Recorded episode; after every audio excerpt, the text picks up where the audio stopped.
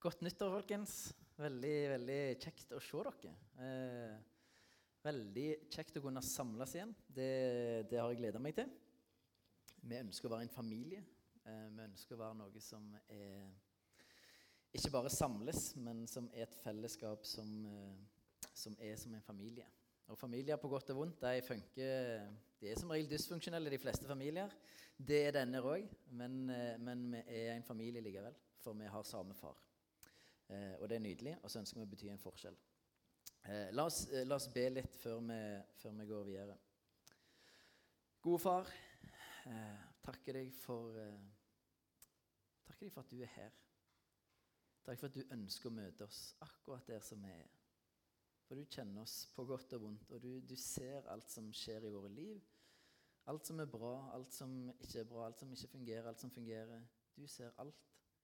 Eh, og uansett hvor vi er henne, så er vi velkomne i dine åpne, kjærlige armer. Jeg bare takker deg for det, Gud. Takk for at du møter oss der vi er, ikke der vi burde, føler vi burde ha vært, men akkurat der vi er. Så nå har vi lyst til å komme fram for deg, Gud, for vi trenger deg. Vi trenger å høre for deg, vi trenger å bli kjent med deg, vi trenger å være i ditt nærvær. Vi trenger deg i våre liv, og Ulsteinvik trenger deg, gode Gud. Så bare kom og beveg hjertene våre. Vi ber Helligånd at du skal bare røre ved oss. Jeg ber om at du skal fylle dette rommet med ditt nærvær. Jeg ber om at du, skal, at du skal velsigne det som jeg har tenkt å si, sånn at det kan bli til liv for oss. Eh, kom, Hellige Ånd. Kom og berør oss. Eh, kom og hjelp oss å rette vårt blikk på Jesus. Amen. Jeg eh, tenkte bare skulle si det at vi, vi, gir, vi, gir, mulighet for å hvis du, hvis du, kjenner at du skal dele noe, Eh, så gir vi, gir vi, en liten sånn eh, mulighet for det etter, etter talen. Eh, da setter vi på litt musikk, og så instrumentalmusikk, eller noe, og så er, vi rolige. Så hvis du har lyst til å dele noe, så gjør du det. Så bare ved det sånn nå. Og så blir det òg forbønn etterpå. Eh, Iallfall jeg kommer til å være der. Kanskje det, finner vi noen som blir med. Da setter vi bare disse buskene her litt sånn framfor og lager en liten krok her. Eh, og hvis du har lyst til å bli bedt for altså, Vi ønsker at du skal få møte Gud. Vi ønsker ikke bare møtes for å møtes, vi ønsker at du skal få møte Gud. Eh, en av de måtene kan være, det kan være lovsang, det kan være tale, det kan være fellesskapet. En av de måtene er også forbønn. Det å bli bedt for, det å bli velsigna. Om, om, det er sykdom, om det er noe helt konkret, eller bare bli velsigna. Eh, så benytter jeg av anledningen. Vi trenger å møte Gud. Vi trenger å være i lag med Han. Eh, så ikke tenk på hva andre tenker om du går til forbønn. Ikke bry deg om stolthet. Bare la det ligge. Og så, hvis du kjenner at du trenger det, så kom og bli bedt for. Eh, og på, når jeg tar ferja her til morgenene, så, så, så, prøver jeg å spørre, spørre Gud er det, noe du har, er det noe du har lyst til i dag. Er det noe spesielt? Og det er det jo helt sikkert det er ikke alltid jeg får med meg hva han har lyst til. Eh, men når jeg spurte i dag, så og dette, dette, her vet jeg ikke om er fra Gud, men jeg hiver det fram likevel. Og hvis det ikke er fra Gud, så er det helt greit å bare la meg ligge. Men opplevelsen min var at det er, der er noen som, som uh, Jeg fikk for meg dette med smakssans, lukt eller smak. Noen som har mista det eller fått det nedsatt. Eh, og hvis det er deg, så bare inviterer jeg til å komme og bli bedt for etterpå. For vi tror Gud kan helbrede. Jeg garanterer ikke det, men vi tror at han, og vi vet at han kan gjøre det. Eh, så hvis det er deg, eller hvis det er flere, så bare kom eh, og bli bedt for. Og hvis det ikke er noen, så er det helt greit. Da tok jeg feil, og det er ikke farlig eh, i det hele tatt. Yes, da er det sagt. Litt viktig. Nyttår, nytt år, nye muligheter. Det er jo alltid fint. Er det noen som har noe nyttårsforsett? Opp med hånda, de som har nyttårsforsett. Er det bare meg? Nei, tuller du? Ja, jeg og Kari.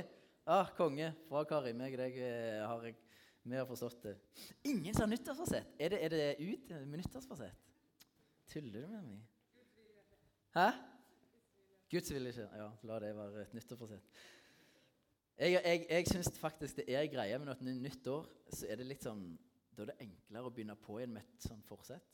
Så, så, og jeg, jeg, jeg, velger å si det høyt hva jeg skal gjøre, for, for da hjelper det å forplikte meg. Jeg skal, skal ikke ete snop eller drikke brus fram til sommeren. Det er mitt, min greie.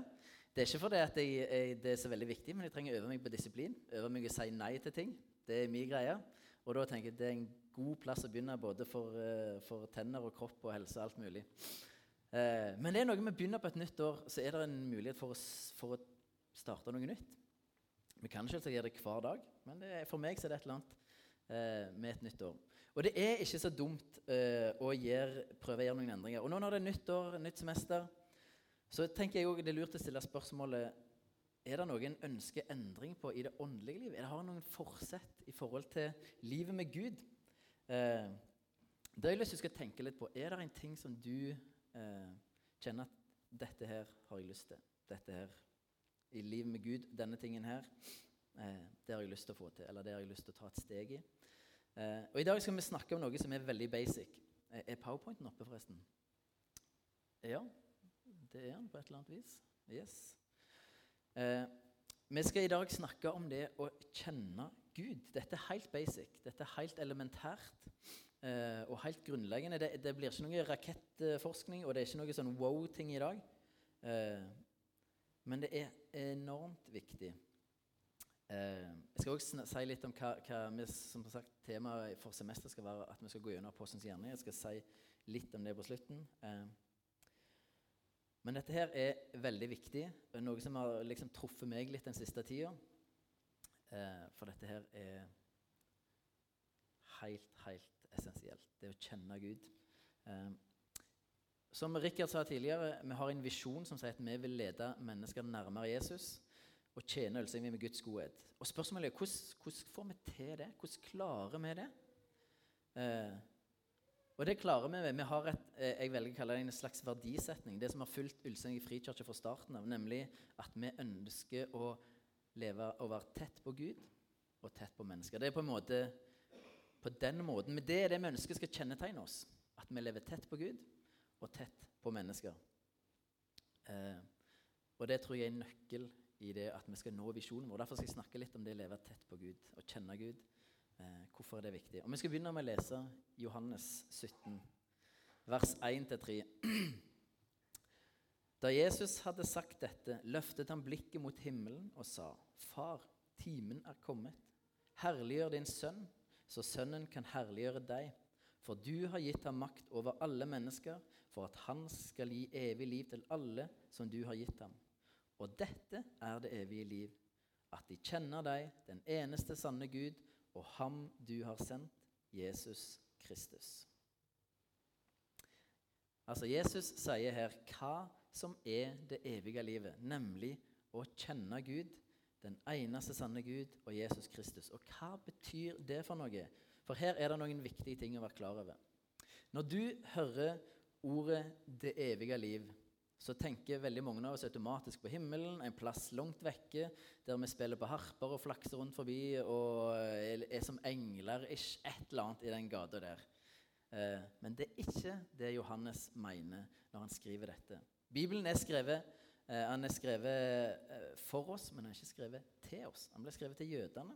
Eh, og for dem så har begrepet 'det evige liv' noe, en litt annen betydning. for jødene de venta på en ny jord, og de venta på en dramatisk hendelse i den nåværende verden som ville fornye og gjenopprette verden. Det var det jødene venta på. Ikke at verden skulle ta slutt og det skulle komme til en himmel, men at det skulle skje noe med denne jorda. Det skulle komme en hendelse som skulle forvandle, forandre, gjenopprette det som var ødelagt på denne jorda. Det var det jødene venta på. Eh, når, vi tenker på, på, når vi tenker på himmelen, f.eks., da tenker vi ofte på tid, sted, rom. Vi tenker på kvantitet. Men for jødene så handler det evige livet om kvalitet. Innholdet på livet. Kvaliteten på livet. Det var det som var viktig for jødene. Når Jesus snakker om det evige liv, så snakker han ikke om en plass og ti steder rom og hvor det er. Han snakker om kvaliteten på livet. Kvaliteten på livet. Eh, og dette henger sammen med skapelsen, Edens hage. Det som på en måte var malen på den kvaliteten. Det evige liv det er det som alle mennesker lengter etter. Og ikke tenk på himmelen, for da går vi glipp av meninga her. Det evige livet, det var, er verden sånn som Gud drømte om at verden skulle være. Og det er det livet med Gud det livet Gud drømte om at vi skulle ha. Et liv uten sorg, uten smerte, uten urettferdighet, men med glede, med harmoni, med tilfredshet og med fred. Det som vi kaller shalom. har vi snakket om litt tidligere. Shalom. Eh, det er det evige liv. Så, så bare vær klar når, når, du leser om det evige liv, og spesielt i Johannes så står det ganske ofte eh, det evige liv er nevnt flere ganger. Da er det ikke himmelen en tenker på primært som, som i et, en plass der framme, men noen som skal innta jorda. Hvis jeg spør deg hvor var himmelen i Edens hage, hvor var himmelen da? Der alt var fantastisk. Jo, himmelen og jorda var samme plassen. Og det er det Gud en gang skal, og det er det jødene venter på, at himmel og jord skal bli samme plass igjen. Det er det evige liv. Himmel og jord blir samme plass. Det er viktig å være klar over. Det er det som vi snakker om her. Det er kvalitet, det er ikke kvantitet. Eh, bare som det er sagt. Det er litt, det er litt viktig, for, for, det er lett å glippe den der. En annen ting som vi trenger å være klar over, er ordet 'å kjenne'. For Jesus sier at dette er det evige liv, å kjenne Gud. Og Ordet 'kjenne' betyr ikke å vite om, det betyr ikke å ha kunnskap eller informasjon om noe. Det handler ikke om å vite om Gud, at Gud fins. Eh, det handler om relasjon, nær relasjon, eller om intimitet.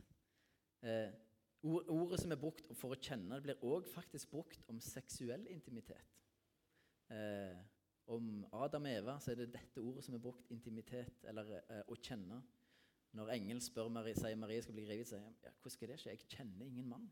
Jeg kjenner ingen mann. Altså, jeg har, ikke, jeg har ikke hatt sex med noen mann. Hvordan skal dette gå? Dette, dette funker ikke. Så, så sterkt er det ordet. Og det forteller hva dette handler om. Det handler ikke om å vite om Gud, at han fins, at han er elsket. Det handler om å kjenne han og ha en nær og tett relasjon med Gud. Intimitet har jeg lyst til, egentlig lyst til å bruke, for det handler om intimitet. Så hva betyr dette for oss, og hva sier det til oss? Hva implikasjoner trenger dette å få for oss? Jo, det forteller oss at det evige livet det er det vi alle lengter etter. Det er det vi alle lengter etter.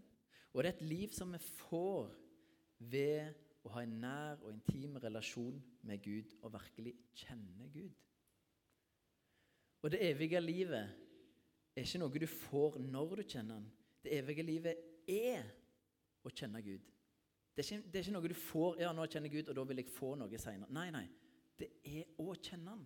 Det er det evige livet. Det er det du lengter til. Det er at himmel og jord blir det samme. Det er å kjenne Han. Å ha en sånn tett relasjon til Gud er det evige liv.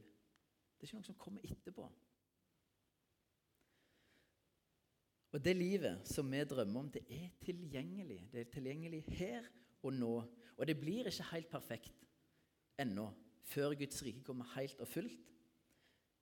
Men det å kjenne Gud, ha intimitet med Han, bli elsket av Han, det er det evige livet. Vi får tak i essensen av det allerede her og nå. Selv om det ikke er helt perfekt, så får vi en Vi får essensen allerede nå. Og En dag så kommer det evige livet helt og fullt når Jesus kommer igjen og fornyer jorda helt og fullt. Men Bibelen er veldig tydelig på at det evige liv, det er her, og det er nå. Og det, og det er tilgjengelig gjennom å ha en nær og en intim relasjon med Gud. Og da er det store spørsmålet kjenner du Gud? Og Jeg spør ikke om du er kristen, det er ikke det jeg lurer på. Jeg spør hvor godt kjenner du Gud? Kjenner du han så godt at du stoler på han? Kjenner du han så godt at det han sier til deg, betyr noe for deg? Kjenner du han så godt at det han sier, blir en sannhet for deg? Kjenner du han så godt? Kjenner du han så godt at du vet helt og fullt hvor enormt høyt du er elska, og hvor enormt stor verdi du har? Kjenner du han så godt? Kjenner du han så godt at du forteller han hva som ligger på hjertet ditt? At det er en nær venn som du bare øser ut ditt hjerte framfor? Kjenner du han så godt at du vet at du er alltid velkommen, og at han har en enorm omsorg eh, og en enorm lengsel etter deg, uansett hva du har gjort, uansett hvor du er i livet? Vet du det? Kjenner du han så godt? Kjenner du han så godt? Kjenner du han så godt at du vet at han vil deg det beste alltid, uansett hvor vanskelig og vond den situasjonen du er i akkurat nå ser ut, så vil Gud deg alltid det beste. Kjenner du han så godt? Hvor godt kjenner du Gud? Tenk over det. For den relasjonen er det du egentlig dypest sett lengter etter i ditt hjerte. Den relasjonen der, den lengter du etter. Kanskje du ikke er klar over det, men du gjør det. Det er ikke sikkert der du leter etter det, men det er det du lengter etter. Og Grunnen for at dette er viktig for meg, eh, er fordi at jeg trenger å være nær Gud. Eh, jeg trenger å komme til pappa og bare være Eivind med alle mine feil og mangler og sår og smerter, alt som ikke funker, alle gleder, alt. Og så trenger jeg bare være på pappa sitt fang og bare bli elska og bare åpne opp for Guds enorme kjærlighet og storhet. For vi elsker ikke Gud naturlig. Det ligger ikke naturlig for oss. Vi elsker fordi Han elsker oss først. Og da må vi ta imot den kjærligheten som Han gir oss først, før vi kan elske Han tilbake. Eh, så jeg trenger, og du trenger, å bruke tid med Gud der du snakker med Han, der du blir elsket av Han, der du blir minnet på hvor enormt høy verdi du har, hvem du er i Jesus. Vi trenger det så sårt. Hvis, hvis jeg ikke gjør det, altså, hvis jeg ikke gjør det, så mister jeg fokus. Det er det som skjer. Eh, og blikket Blikket mitt går fra å være på Jesus til å være på meg sjøl. Det er derfor den første, den sangen vi sang, 'Turn Your Eyes Upon Jesus', er så fantastisk bra og så viktig. For hvis du ikke har blikket på Jesus, så har du det på noe annet. Og hvis du har blikket på deg sjøl eller verden rundt deg, det funker bare ikke. Hvis jeg, hvis jeg mister blikket mitt på Gud, eh, så For meg så, så, retter jeg som regel blikket på meg sjøl. Alt som er galt, alt som ikke funker. Eh, og da kommer jeg ofte fram for Gud faktisk med en slags sjølforakt. Med en sånn ah, Gud, jeg, jeg, jeg, bare snakker til Gud om alt som ikke funker. Og det, det, det er Gud glad for å høre. Eh, det er ikke det. Men jeg kommer med feil perspektiv. Jeg kommer med sånn, litt sånn mismot. Jeg kommer med, med forakt for meg sjøl. Jeg kommer med en manglende tro på hvem Gud er. For jeg har blikket på meg sjøl.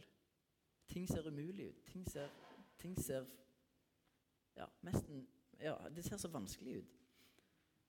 Og det er ikke der vi, vi kan ikke starte der. Det er ikke der vi kan ha perspektiv. Jeg har lyst til å lese 2. Korinterbrev, kapittel 3 og vers 18. Der står det Og vi som uten slør for ansiktet ser Herrens herlighet som i et speil.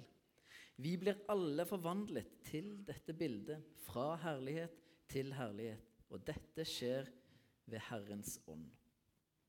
Når vi er nær Gud, intime med Gud, bruker tid med Han, tar til oss det Gud sier til oss, tar imot Hans kjærlighet, tar imot sannheten om hvem Gud sier at vi er, tar imot Hans nåde og godhet, har blikket på Jesus, så blir vi forvandla til det samme bildet som vi ser på. Ved Den hellige ånd. Der skjer en endring. Blikket må være på Gud. Og hans, hans, det er hans sannhet det må handle om, ikke min sannhet. For den er feil. Det er hva Gud sier om meg. Det er hva Gud sier mulig som må være sannheten. Ikke hva jeg tenker eller ser rundt meg. For jeg, det går ikke. Så når vi bruker tid med Gud, er aleine med Han, ser rette blikket på Han, lar Han få tale sannhet inn i våre liv, så skjer det en forvandling. Ikke sikkert du merker det med en gang, men det skjer en forvandling. Og jeg gjør ofte den feilen at jeg kommer framfor Gud med alt som er galt, eh, og ber Gud om å endre meg. Og jeg kommer ofte da, når jeg har det fokuset, med litt sånn sjølforakt. Og det jeg trenger da, ikke, Jeg trenger egentlig ikke bønn, men jeg trenger sannhet. Jeg trenger sannhet. Veldig ofte merker jeg når jeg kommer framfor Gud, så er det egentlig ikke jeg trenger ikke, å, jeg trenger ikke å be, men jeg trenger å få høre hva er sant om meg. Hvem er jeg i Jesus? Hva er min identitet? Jeg trenger sannheten om Guds kjærlighet som ikke stiller krav, men som elsker meg for det jeg er til. Sannheten om min verdi, sannheten om hva som er min identitet. Nemlig at jeg er Guds barn. Sannheten om at det er verken min synd eller min suksess som avgjør min verdi. Men det er Jesus sin død på korset som viser hvor jeg er verdt. Ingenting annet. Og der står en så stor kamp i våre liv om hva som er sant. Hva er sannhet? Er det Gud som får definere sannheten? Eller er det jeg sjøl? Er det fienden? Er det, er det, samfunnet som definerer sannheten? Der står en stor kamp om sannheten, og det er Gud som trenger å få lov til å fortelle den sannheten. Eh, og når, vi, når, Han får lov til det, når Gud får lov til å tale sannhet inn i våre liv, når vi omfavner den sannheten, tror på det Gud sier til oss, hvem vi er, så setter den sannheten oss fri, som det står i Johannes 8, vers 32. Sannheten setter dere fri. Og Jeg håper du forstår hvor viktig det er å ha en levende, intim og nær relasjon med Gud, for det er kilden til liv. Sjølve kilden. Og vi trenger å bruke tid med Gud alene, og vi trenger å bruke tid med Gud i fellesskap. Men det å bruke tid med Gud alene det kan være vanskelig, det kan være utfordrende, men det er super, super, super viktig. Og Jeg sier ikke det for å gi noen som helst dårlig samvittighet, men fordi det er kilden til livet. Jeg har ikke lyst til at du skal gå glipp av det. Jeg har ikke lyst til at du skal gå glipp av det. For der er det evige livet som du lengter etter. Å være alene med Gud å kjenne Gud. Eh, der ligger kilden til det evige liv. Jeg har lyst til å si at du, du må bruke tid med Gud, alene med Gud. For du går glipp av noe fantastisk hvis du ikke gjør det. Det ikke, handler ikke om å være pliktoppfyllende eller få vekk dårlig samvittighet, men det handler om der er livet. Der er livet. Og det, livet blir ikke perfekt om du gjør det. På ingen måte. Du kommer fremdeles til å oppleve sorg og smerte, men det hadde du faktisk gjort uansett. Men nå når du får lov til å bruke tid alene med Gud, så kan du takle den motgangen, den smerten, det som livet hiver imot deg, på en helt annen måte, med et helt annet fokus, med et helt annet perspektiv. Det er ikke noe quick fix. Det gjør ikke at alt går smooth, men det gjør at vi kan takle livet. Og det gjør at vi kan få ha blikket på noe annet og ha rett perspektiv. Eh, vi trenger sånn å bruke tid med alene med Gud. Jeg trenger det. Eh, jeg trenger det. Og jeg har lyst til å si ikke vær så redd for å ofre noe for å bruke tid alene med Jesus. Ikke vær redd for at det koster noe. Alt godt i livet krever et offer. Alt som er bra, alt som er godt, krever et offer. Skal vi få til frimat, det krever et offer. Noen må legge ned tid, energi, eh, for å få dette til å skje. Alt godt krever et offer. Og dette også kommer til å koste noe. Det kommer til å kreve et offer, men du vil få mye mer igjen enn det du putter inn. Og våg å, våg å stå i ikke, Våg å stå i det, ikke gi deg. Var, var litt sånn Jakob i Gammeltestamentet, som slåss med Om det er en engel eller Gud, vet vi ikke helt. Men la oss si det er en engel da, som slåss med engel. eller, ja. Og så sier han til at 'Jeg slipper deg ikke før du velsigner meg'. Jeg, jeg gir meg ikke før du velsigner meg. Og den holdningen der, den trenger vi å ha. Vet du, Gud, jeg kommer til å stå i dette. Jeg, jeg, trenger, jeg, kommer til å bruke tid med deg selv om jeg ikke opplever noe. For det, jeg, jeg, gir meg ikke før du velsigner meg, før jeg opplever det som du har for meg. Jeg gir meg ikke. Noen av de beste opplevelsene med Gud som jeg har hatt, det har vært når jeg er alene med Gud, enten det er i bilen, det er hjemme, det er på fjellet. Og bare snakke med Gud, var med han, leser om han, eh, ber til han, you name it. Men noen av de beste, beste tidene er når jeg er alene med Gud. Eh, og Jeg skal ikke si hvordan du skal være alene med Gud, eh, men jeg vil anbefale noe. Eh, og jeg har lyst til å anbefale stillhet. Bibel og bønn, iallfall. Eh, og så er det flere åndelige disipliner som vi kan, kan bruke. Eh, faste eller ja, Det er mange ting. Eh, men stillhet, det, det, tror jeg ofte er en nøkkel. At du, at du ikke får så mye stimuli for alt Men om det er mulig å få til stillhet. Eh, og kombinere den stillheten med Bibel eller med bønn. Og når jeg sier bønn, så mener jeg å, å ha en dialog med Gud. Eh, om det er øse ut ditt hjerte, om det er å bare lytte, eller hva det er, eller en kombinasjon. Eh. Og disiplin er jo litt sånn Jeg skal ikke si at det er tabu å snakke om. Eh, men det er litt sånn, folk får litt sånn vondt når de snakker om disiplin. kanskje, og, å, det høres så fælt ut. Disiplin er en stor velsignelse. Rytmer altså Gud har skapt rytmer i livet vårt. Du, bare les når, når Gud fører israelsfolket ut av Egypt. Så skaper han rytmer for dem. Rytmer med feiring, med, med fest, med glede. Rytmer for, for, for hvile. rytmer. Der er rytmer. Gud skaper rytmer i livet deres. Vi trenger å ha en rytme i livet vårt. Eh, og det, det, er det vi kaller for disiplin. At det er en rytme. Eh, og disiplin For meg så er det Jeg, jeg trenger disiplin. Eh, og, og, det som blir en vane, er mye lettere enn at jeg skal ta meg sammen hver enda dag. eller et eller annet sånt. Eh, og så leser jeg for eksempel, jeg leser Bibelen i lag med andre. Fordi at, eh, fordi at det hjelper meg å, å holde, meg, holde, det ved like, på en måte. Jeg leser Bibelen, gjennom Bibelen en gang i året. Eh, og det gjør jeg ofte med andre. Skriver meg litt sånn for hver dag. Hva opplevde det Gud sa til meg i dag? Eller hva, hva, hva fortalte den teksten i dag? Eh, men det er mye lettere å gjøre det med andre og høre hva andre òg får liksom, Oi, det opplevde han i den teksten. Interessant. Det så ikke jeg. Eh, men jeg tror det kan være en hjelp da, til, til å, å, at du, der noen holder deg litt ansvarlig. Og så vet jeg at ja, vi lever alle travle liv. Jeg er fullt klar over det. Og jeg vet at mange tenker at jeg har jo egentlig ikke ledig tid. Jeg har små unger, det er mye som skjer osv. Jeg har egentlig ikke ledig tid. Men vet du, den, den kjøper jeg ikke helt. Eh, etter gudstjenesten kan du, kan du uh, ta opp telefonen så kan du gå inn på den oversikten og som viser hvor mye tid du har brukt på telefonen. Det, det, det er ikke noe kjekk opplevelse. Jeg, jeg, er fullt klar over det. Det er litt sånn deprimerende, hele greia.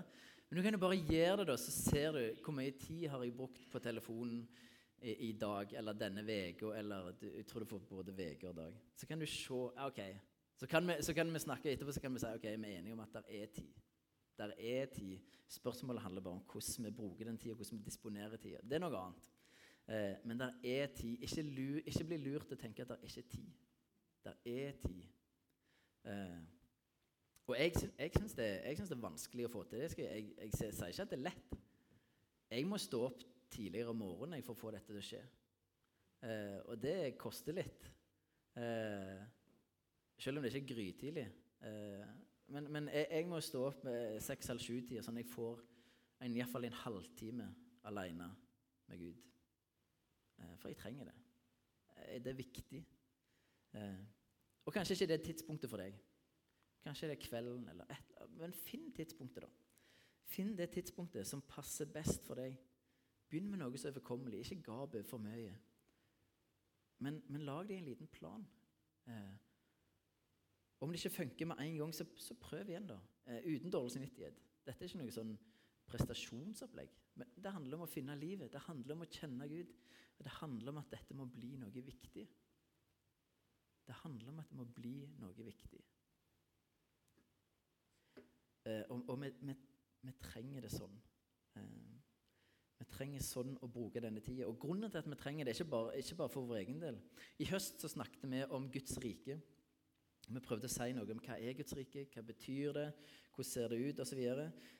Men så snakket vi ikke så mye om hvordan det ser ut i praksis, egentlig. Eh, og det er det vi skal gjøre dette halvåret.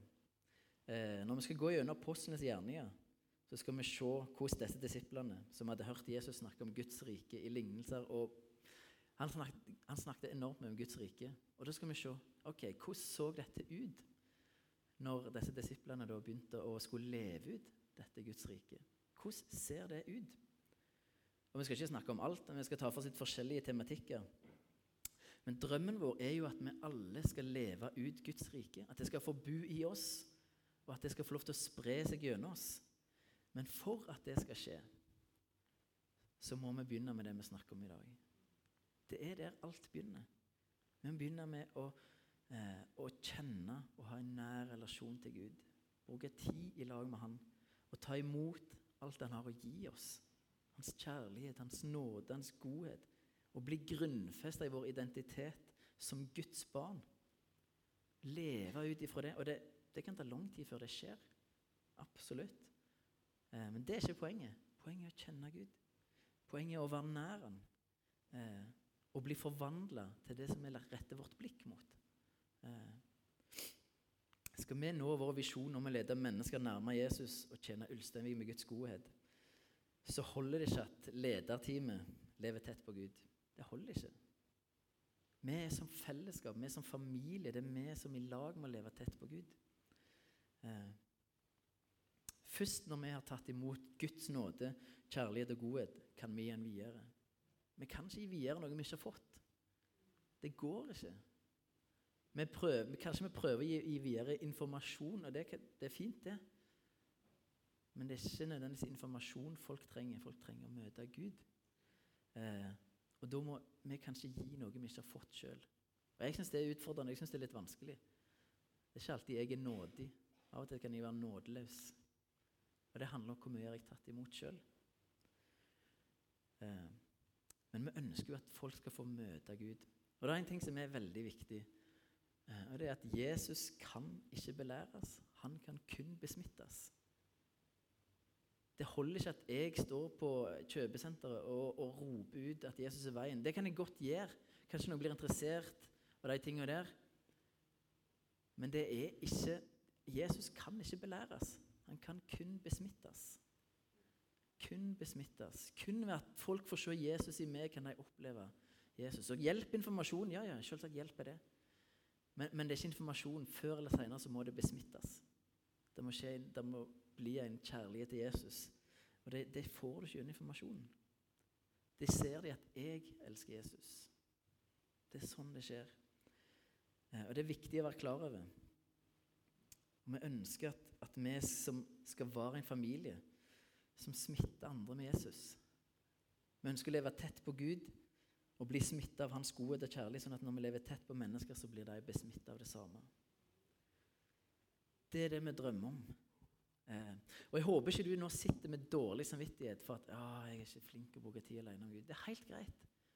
Gud, Gud starter der du er. Han møter deg ikke med pekefinger. Gud er ikke politi. Det har aldri vært hans intensjon. Men han ønsker å gi deg liv. Så han, han starter der vi er. Og så står han og inviterer oss til å ha relasjon. Han lengt, står og lengter etter at vi skal komme til ham uten dårlig samvittighet. Bare sånn ah, Jeg gleder meg sånn til du kommer neste gang. Det blir konge. Uavhengig av hvor du er i livet, hva som skjer, og hva som ikke funker. Det har ingenting å si. For vi skal rette blikket på Jesus. Det er ikke, det er ikke oss sjøl som er i fokus. Det er Jesus, hvem han er, hva han har gjort, og hvem vi er i han, som betyr noe. Så ikke, ikke sitt med dårlig samvittighet nå. Det, hvis du har dårlig samvittighet, så har jeg lyst til å si jeg ganske overbevist om at det er ikke for Gud. Det er for fienden i så fall. Eller for deg sjøl. Det er ikke Gud som ønsker at du skal sitte med dårlig samvittighet, for Gud inviterer. Gud inviterer. Men jeg er så overbevist om at, at du kommer til å oppleve noen store ting med Gud eh, hvis du bruker enda mer tid med Han alene. Finn, finn en rytme, finn en måte å være i lag med Han på.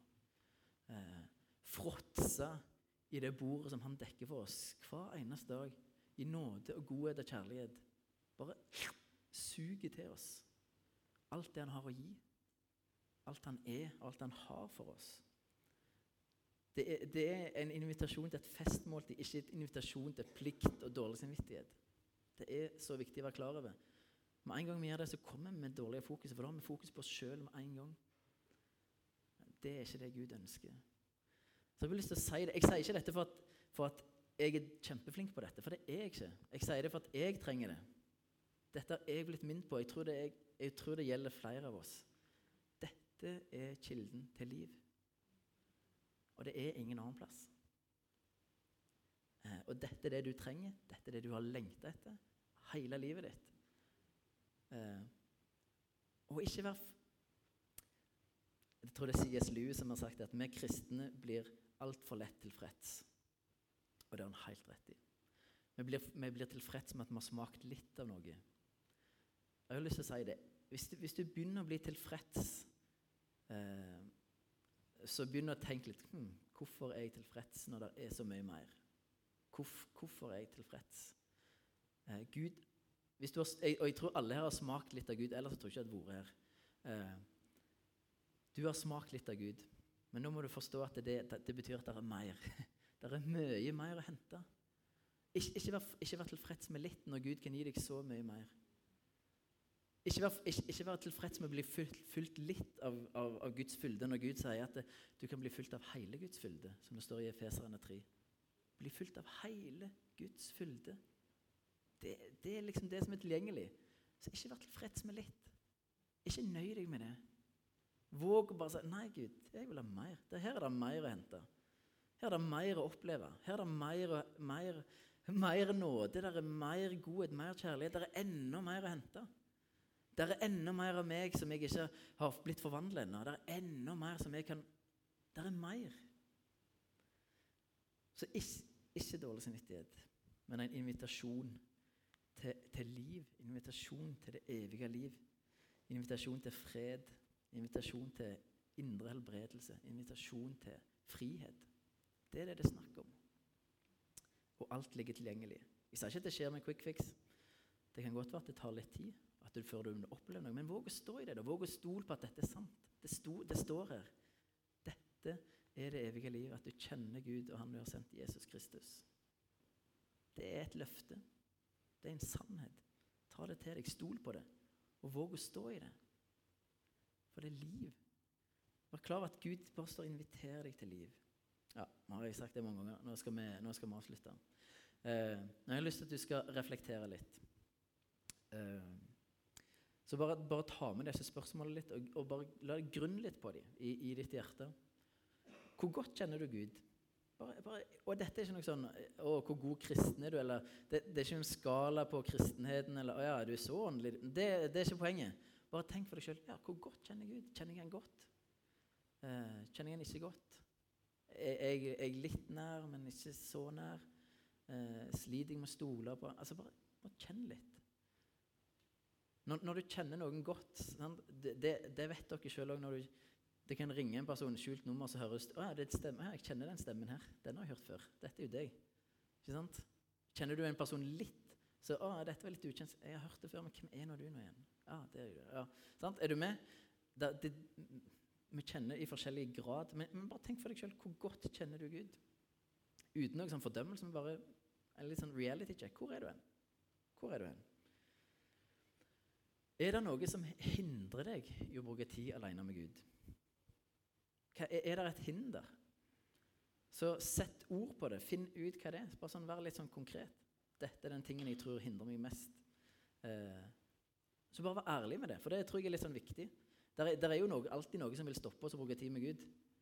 Sikkert, du har garantert opplevd det at hadde, du hadde planlagt å sette deg ned og lese Bibelen, eller et eller annet sånt, og plutselig så ble det interessant å støvsuge, liksom, eller pusse syltetøy, eller et eller annet sånt, sjekke forsikringene. Når ble det gøy? Aldri. Men når du skulle sette den innom i Bibelen eller bønn, så ble det interessant. Da ble det viktig. sant? Eh, og det, det, har, det, er en kamp i dette. Det er viktig å være klar over. Men, men er det noen konkrete ting som, som, hindrer deg, så bare sett ord på det. Eh, og, og måte, ok, Da er det, det denne tingen. Finn ut hva du kan gjøre med den tingen. da. Eh, hva har du hørt at Gud har sagt til deg i dag?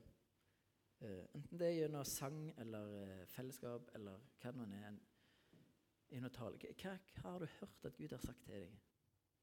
Eh, for nå sitter vi så mange personer med, og vi har hørt like mange forskjellige ting. Eh, hva har du hørt? Hva, har Gud sagt til deg? Eh, hva, hva, er Guds, Guds, stemme til deg? Og ikke minst, hva betyr det, da? Hvis du har hørt Guds stemme Det er ikke sikkert du har. Men hvis, du har hørt, hvis Gud har sagt noe til deg, hva betyr det? Hva implikasjon trenger det å få? For det er en ting at vi, ja, vi hører Gud. Det er flott. Eh, men, men da er spørsmålet ok, hva betyr det, da? Eh, hva, hva, implikasjon får det for meg at Gud, Gud har talt til meg? Eh, bare tenk litt gjennom det. For, det, for det, det, er på en måte Vi, vi trenger å, å, ikke bare høre, men vi trenger å gjøre i samme slengen. Så bare tenk. Tenk etter. Hva, hva betyr det? Eh. Jesus Jeg har bare lyst til å takke deg for at du inviterer oss. Inviterer oss til en tett og nær og intim relasjon. Eh, jeg takker deg for at vi skal få slippe fokus og ha blikket vendt på oss sjøl. Vi skal få lov til å ha blikket vendt mot deg. Du som er truas opphavsmann og fullender. Deg skal vi få lov til å ha vårt blikk festa på. Jeg bare takker deg for det. Eh, jeg takker deg for at du har så enormt mye å gi oss. Og jeg bare ber om at vi skal få lov til å finne det evige livet ved å kjenne deg og være nær deg og bruke tid i lag med deg. Ha intimitet med deg. Jeg har bare lyst til å be deg om at, uh, at du skal hjelpe oss å finne tidspunkt på døgnet der det passer best. Finne, hjelpe oss å eh, skape den motivasjonen, skap den lengselen i oss etter å kjenne deg mer.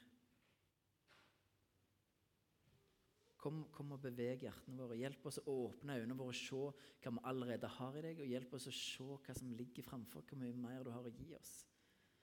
Eh, åpne øynene våre, Gud. Hjelp oss å se rikdommen i deg, ikke hva verden kan gi oss, eller, men hjelp oss å se rikdommen i deg, alt det du har. Og så har jeg lyst til å be om at ingen her skal sitte med dårlig samvittighet, men at de skal få se at du står med åpne armer og inviterer eh, til et festmåltid. Jeg ber om at det skal være det som er, er blikket vårt og visjonen vår eh, etter, etter, dette. her. Ikke, ikke dårlig samvittighet, ikke en pekefinger, for det er ikke deg. Men du inviterer akkurat der vi er. Så jeg har bare lyst til å legge oss sjøl i dine hender. Jeg har lyst til å be om din velsignelse over våre liv, om ditt nærvær og din beskyttelse mot alt vondt. Jeg har lyst til å be for Ulsteinvik om at du skal velsigne Ulsteinvik. Ber om at, eh, ber om at du skal forvandle denne plassen. Ber om at ditt rike skal komme, at din vilje skal skje i Ulsteinvik.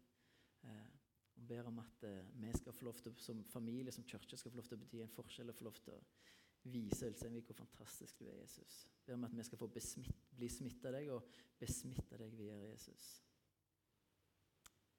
Så legger vi sjøl og gudstjenesten videre i dine hender. Velsign oss, velsign fellesskapet. Amen.